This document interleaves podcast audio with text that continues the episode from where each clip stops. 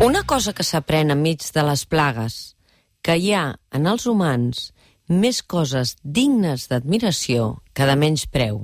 Doctor Rier, La pesta, Albert Camí. El racó de pensar. Un moment, no ens precipitem, primer pensem. Un moment, no ens precipitem, primer pensem. Jo pense, tu penses... I a la tercera setmana vam recuperar el racó de pensar. Molt bon dia a Xavier Antic. Xavier? Molt bon dia, David Fernández. Bon dia. Ah, dic, home, hem trigat tres Bon setmanes a retrobar-nos i ara no els tinc. Xavier, ets aquí? Nosaltres pensem que... No tenim el Xavier, David. Bueno, en fi, Bueno, ara, ara entrarà perquè jo el veig amb aquestes coses digitals. en Tu el aquest veus. Estrany racó, racó de confinar. sí, el, I rac ara... el racó confinat. Escolta'm, David, de què parlarem avui? Doncs avui, a diferència d'altres racons, eh, més que de què parlarem, de què necessitem parlar i, i raonar i enraonar. I avui segurament pràcticament de tot, amb píndola i amb la urgència del moment, de tantes coses també parlades i que de sobte plouen totes de cop. Però com començaves tu amb la cita de la pesta de Camus, ho farem jo crec que a partir de la narrativa i del relat que va fer Albert Camus a la, a la peste, Mm? és a dir, de com comença tot, de forma imprevista, de com es complica i molt, i de com es resol eh, finalment. Vull dir que podríem agafar l'estructura del llibre, un dels més llegits aquests dies també, i intentar... Diu ell, l'optimista. O sigui, tu creus que és un dels llibres més llegits aquests dies, eh? La pesta Sí, d'Albert eh, Camus. vaig, Molt bé. vaig llegir que l'estat francès era, era el tercer, i que Ah, tothom... val. Sobretot perquè hi ha una frase d'aquestes en, en llatí que diu de te fabula narrator, que és una mica com eh, aquesta història parla de vosaltres, o això ja ha estat dit, Mm? i la veritat és que hi ha paràgrafs absolutament eh, com si estiguessin escrits eh, ahir nit o Sí. aquesta mateixa matinada. La veritat és que aquests dies... Estàs aquí, Xavier, ja? Encara no Jo us estic sentint. Ah, no i sé ara- si em sentiu ara- vosaltres. Ara ara t'estem sentint, ara sí, ara sí. Jo us estava sentint perfecte, però feia aquest, aquest efecte tan raro eh, del confinament que un se se, sent els altres, però els altres no els senten amb un. Doncs ja els tenim aquí. O sigui que encantat d'haver posat la veu i de poder estar eh, físicament a través de les zones amb vosaltres. Escolta'm, Xavier, deia en David que, que la pesta és, és un, un, un petit mirall del que ens està passant, ja s'havia dit, eh, o és un llibre, és una novel·la de l'any 1947, però ara ens està ajudant a afrontar eh, segurament tot el que estem vivint i que no, que no ens passi per alt les reflexions de fons que fa de cara al futur, no? No, completament no, perquè eh, que el Camí ho va dir després, cada generació té la seva plaga. Ell em va escriure de la seva, recordava una de feia molt temps a Zèlia, i ara ens toca a nosaltres. Eh, I segurament el, el que té la plaga i una de les lliçons més bèsties que ens ensenya Camí és que ens posa en una situació límit i extrema Mm. mm. sense haver-la triat.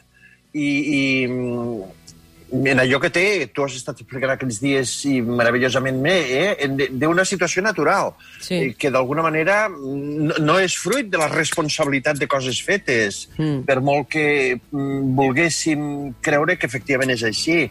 I, i per tant, és, és aquest posar-nos, sense haver-lo triat, en una situació extrema, que d'alguna manera ho capgira tot i ens obliga a reubicar-nos, a resituar-nos, a repensar-ho tot de dalt a baix i en pensar eh, bueno, com a habitament aquest mm, quasi bé eh, està contra les cordes, no? Que De, David, explica... és una per- situació forçada. Per si hi ha algú que no ha llegit La pesta d'Albert Camí eh, i, per tant, que se situï respecte a les reflexions que, que avui volem compartir, eh, al doctor Rie, què li passa?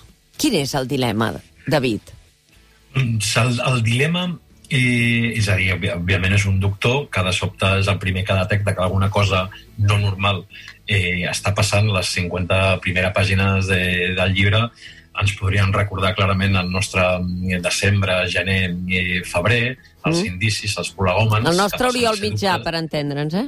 Exacte, més, més o menys, molt, molt aproximat, no? I aquells dubtes que es van confirmant, que les veu venint, i acaba el primer capítol després de 50 pàgines amb una cosa que el poder polític, per dir-ho així, es negava a voler assumir i es acaba amb aquella forma taxativa de declareu l'estat de pesta, tanqueu la ciutat. I efectivament es tanca la ciutat, és, és Urà, on hi ha una plaga de la, de la pesta, no? Mm. Eh, amb un matís, segurament, amb el que deia el Xavi, en el cas de Camí, òbviament, eh, en aquella teoria no? tan, tan humanista de, de l'absurd, no? de, de com ens mm. enfrontem a l'absurd des de la nostra condició vital, però també és veritat que no ens podríem eh, abstraure dels condicionants, no? És a dir, no tinc tan clar, i a més s'ha escrit i crec que de forma molt, eh, molt necessària, sobre, sobre les causalitats o, la, o les, d'aquesta pandèmia, no? I, mm. i l'any 2018 ja hi havia un llibre que era Biopolítica de la catàstrofe, no? de, del Frederic Neirat,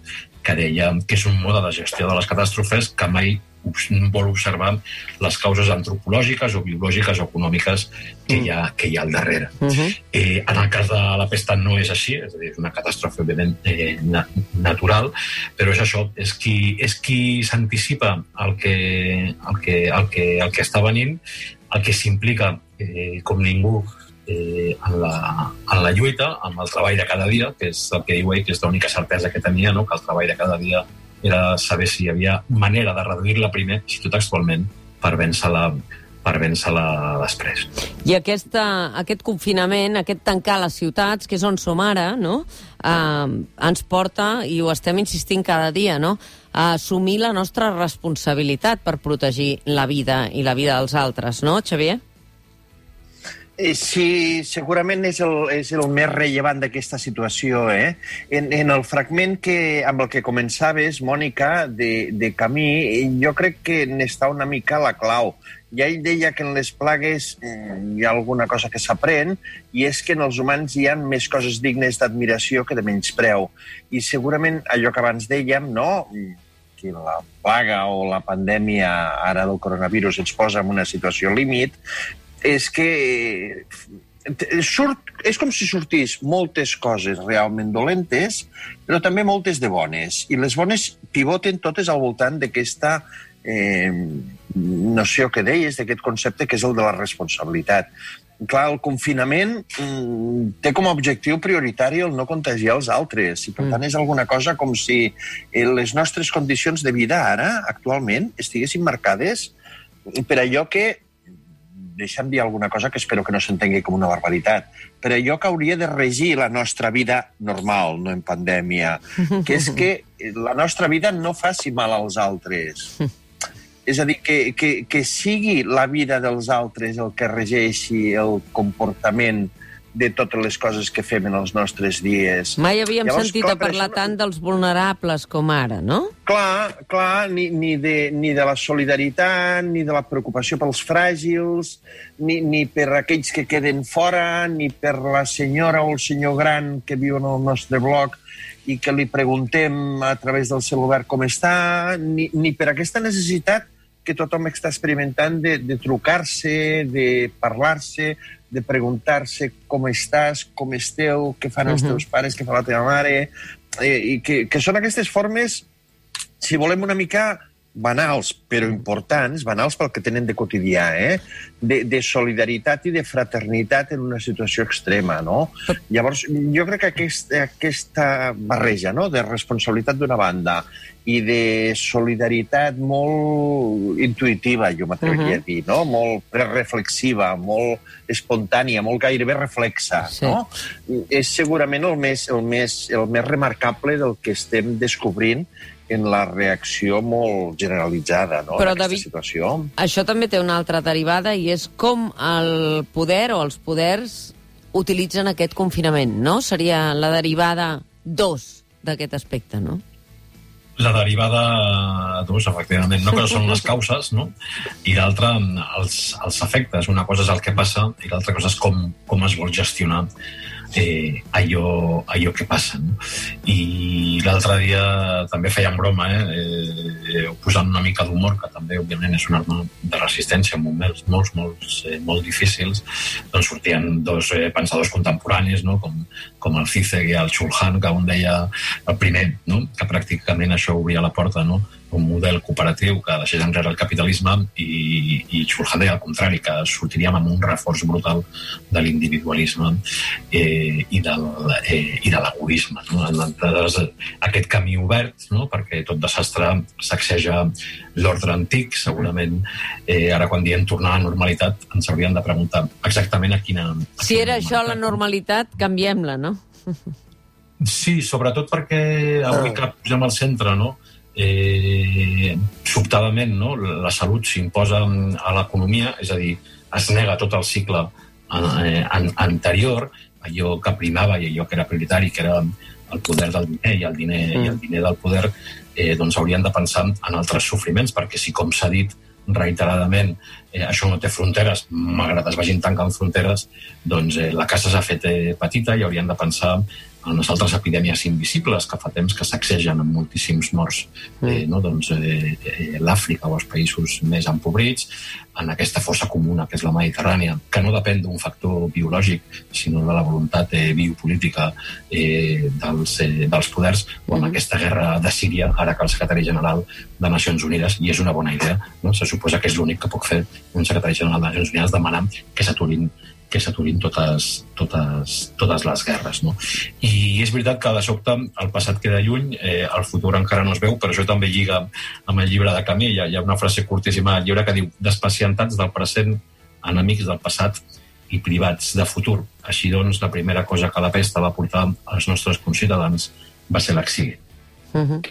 Hi ha una qüestió que em pregunto jo cada dia quan donem en directe aquesta roda de premsa del comitè tècnic eh, amb una extraordinària presència de l'exèrcit, de la Policia Nacional, de la Guàrdia Civil, eh, si al darrere eh, hi ha una voluntat de sanificar com el poder mm, controla les situacions de crisi, no? I quins instruments utilitza, i també m'ho explicava Gemma Parellada des de Ciutat del Cap, de dir aquí l'exèrcit el confinament el garanteix al carrer, no? Com l'exèrcit, la policia, la Guàrdia Civil, Mossos, etc. cada dia ens parlen de com operen aquest eh, confinament, no? Ui, quin silenci. Eh, no, no, no, no, és que... bueno, segur, segur que el David... Que ho feu per no trepitjar-vos? Que ho feu per no trepitjar-vos? Xavier, Xavier, Xavier. Xavier, va, tira.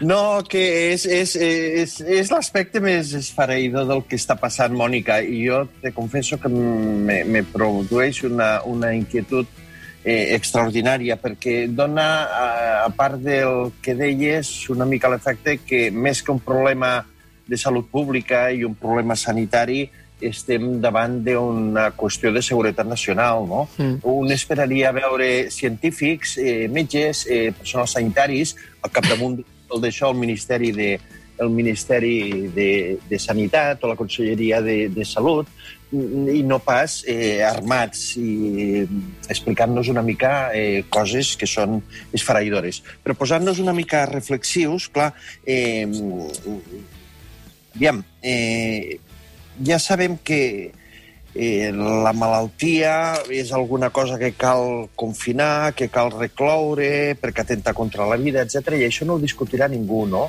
Però aquesta presència dels militars, de l'exèrcit, de la Guàrdia Civil, dels armats, podríem dir-ne, el que fan sospitar és que eh, els poders eh, ho tenen molt fàcil perquè eh, hi ha altres mals eh, que no atenten directament contra la vida eh, que mm. poden ser tractats de la mateixa manera.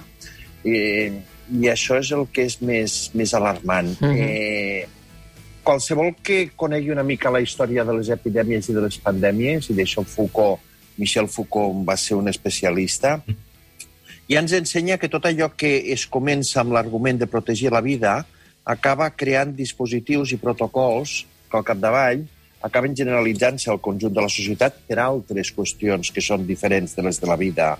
Estem, al meu entendre, amb aquestes rodes de premsa que tu deies, quasi veu un exemple de manual eh, l'obrir la porta a l'exèrcit, que estaria, per alguns, no és el meu cas, eh, justificat en la situació actual pels hospitals de campanya i totes aquestes qüestions, Mm. obre la porta a que eh, en altres casos diferents dels de la pandèmia o coronavirus pugui ser legítim pensar que el seu lloc és justament el eh, ocupar l'espai públic, Sí, sí. controlar la població, vigilar que ningú surti al balcó, no vagi al carrer, etc etc. no? David, uh, Eh, sobre aquesta només qüestió... El...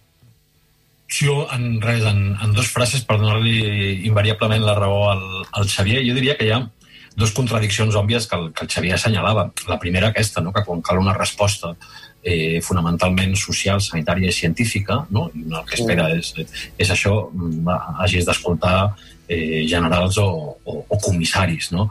amb aquest Mm. miratge fantasiós de pensar que una jura de bandera eh, no? retransmesa per xarxes socials i canviarà el curs, el curs de, de la malura, anem a dir així. I l'altre, que és encara més paradoxal i més antimilitarista, és que a més el que estan fent no té res a veure amb les funcions de l'exèrcit, que és la, la punta, no? És a dir, el que estan fent és eh, això, doncs, Clar. aixecar no? eh, el que podria fer un cos civil Clar. eh, de protecció social, tranquil·lament. Exacte, No? I per tant exacte. també eh, jo no em cansaré de dir-ho i, i, i ho hem dit per activa i per passiva. Sí, eh, primer, que això no és una guerra, no? Eh, I segona, que si hem de fer una paràfrasi d'aquest llenguatge tan bel·licista i tan inútil, no? Eh, l'únic exèrcit que guanyarà, l'únic no exèrcit, l'únic antiexèrcit que guanyarà aquesta guerra eh, porten bates blanques, no? i són eh, metgeses, eh, metges, eh, pneumòlegs i pneumòlogues, i infermers i, i infermeres. No? Aquests dies compartiu amb nosaltres a través del xat que tenim del racó de pensar un article de César Rendueles, La tormenta perfecta de l'autoritarismo del 29 de març, de fa molt pocs dies, on parlava precisament d'això, no, David? Sí, i a més eh, jo crec que ho parlava eh, molt ben definit perquè agafava el marc de la història recent de l'estat eh, de l'estat eh, espanyol i a més perquè al final eh, si no és ficció, podem dir avui és que és la realitat, no? I ahir veiem com Orban no? ja ha decretat l'estat d'excepció permanent, sine die, i ens podem riure d'Orban com el bufó no? de l'autoritarisme a Europa, eh, però ens equivocaríem, no? perquè les pulsions i les tentacions eh, d'una sortida eh, autoritària o igualitària, aquesta és la contradicció que haurem de discernir els propers mesos i els propers anys, i és una oportunitat oberta, doncs eh, est estan allà, no? I César Rendures ho deia molt bé, Santiago Albarrico també sotmetia aquesta contradicció al, no? a, a la, a la, a l'enfrontament, anem a dir-ho així, diferents formes d'entendre el, el balcó, el balcó solidari i el balcó xivato, anem a dir-ho així. No? me all your love now. Cause for all we know, be dead by tomorrow.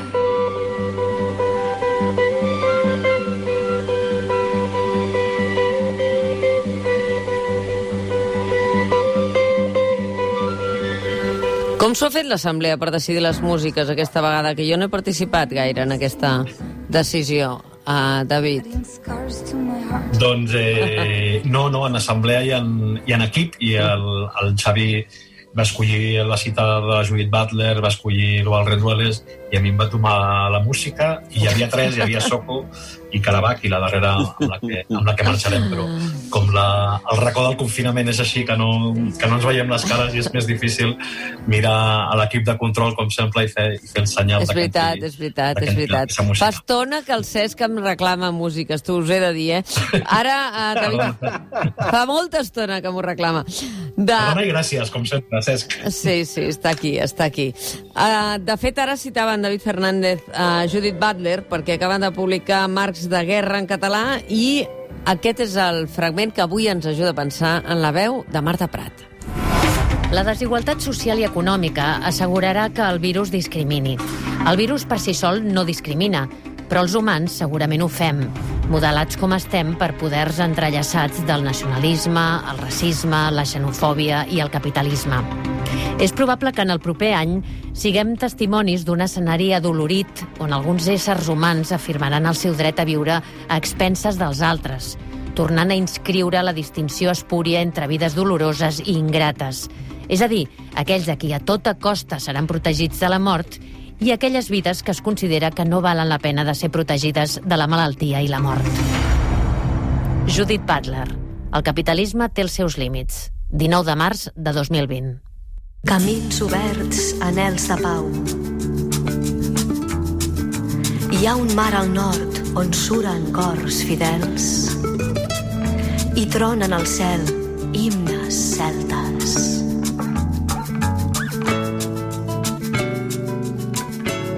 I més que mai aquestes paraules de Judith Butler que aquests dies ens retronen davant de l'escassetat de recursos de salut, d'aquesta premura per atendre tothom i la dificultat de fer-ho, no? Uh, que no quedin enrere, que no quedi enrere ningú, diuen els poders de l'administració, però sempre hi ha els mateixos que queden enrere, no? Completament... Perdona, perdona, David. Sí, i a més ja estaven enrere, no? Eh, Sí, sí. L'únic que anava a dir, Xavi. No, per, per afegir-ho, perquè és, és la, brutalitat dels descobriments d'aquests dies, no? El vell tòpic medieval que fa segles que repetim, que la mort i la malaltia igualen, que no fan distincions, etc i que descobrim que és una falsedat o un miratge o una il·lusió amb la que durant segles ens hem acontentat pensant que efectivament és així. No és així. La mort no iguala, ni la malaltia no iguala, sinó que es pateix de manera diversa perquè la desigualtat ja hi és. Uh -huh. Sí, perquè hi ha aquests dies qui sap que té el coronavirus i hi ha molta gent que Clar. senzillament no ho sap i estan als nostres hospitals o als nostres centres de salut o a les nostres residències i no s'han pogut fer el test. I, en canvi, hi ha gent que ho sap si el té o no el té perquè hi ha pogut accedir. Això ja és una font de desigualtat i, a més, en aquelles persones que estan a primera línia, David.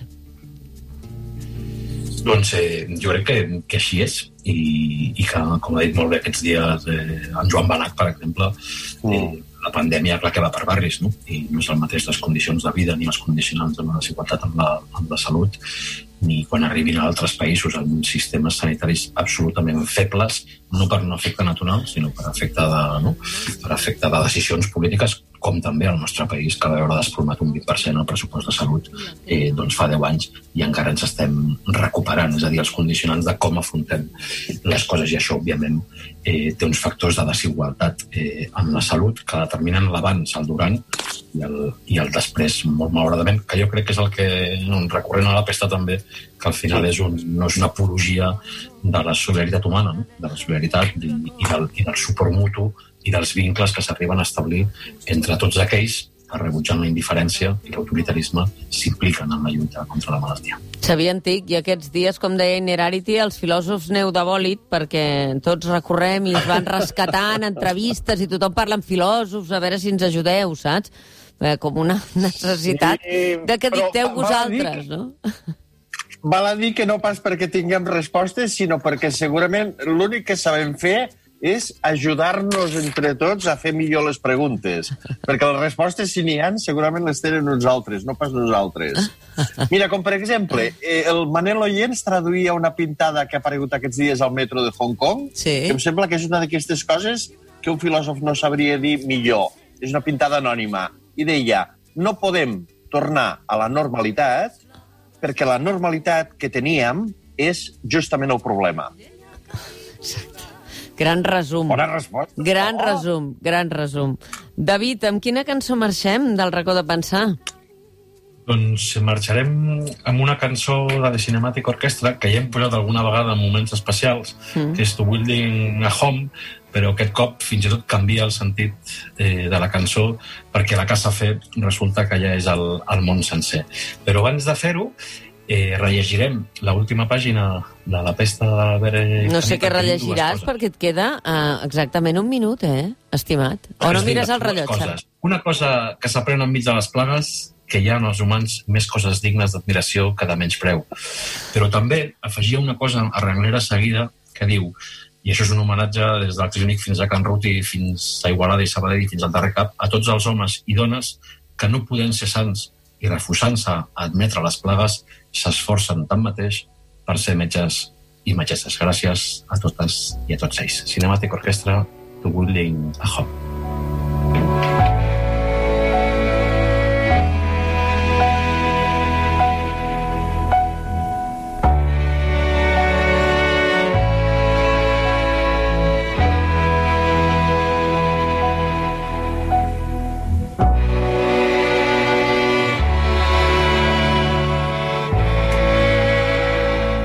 Matí de Catalunya Ràdio, amb Mònica Terribas.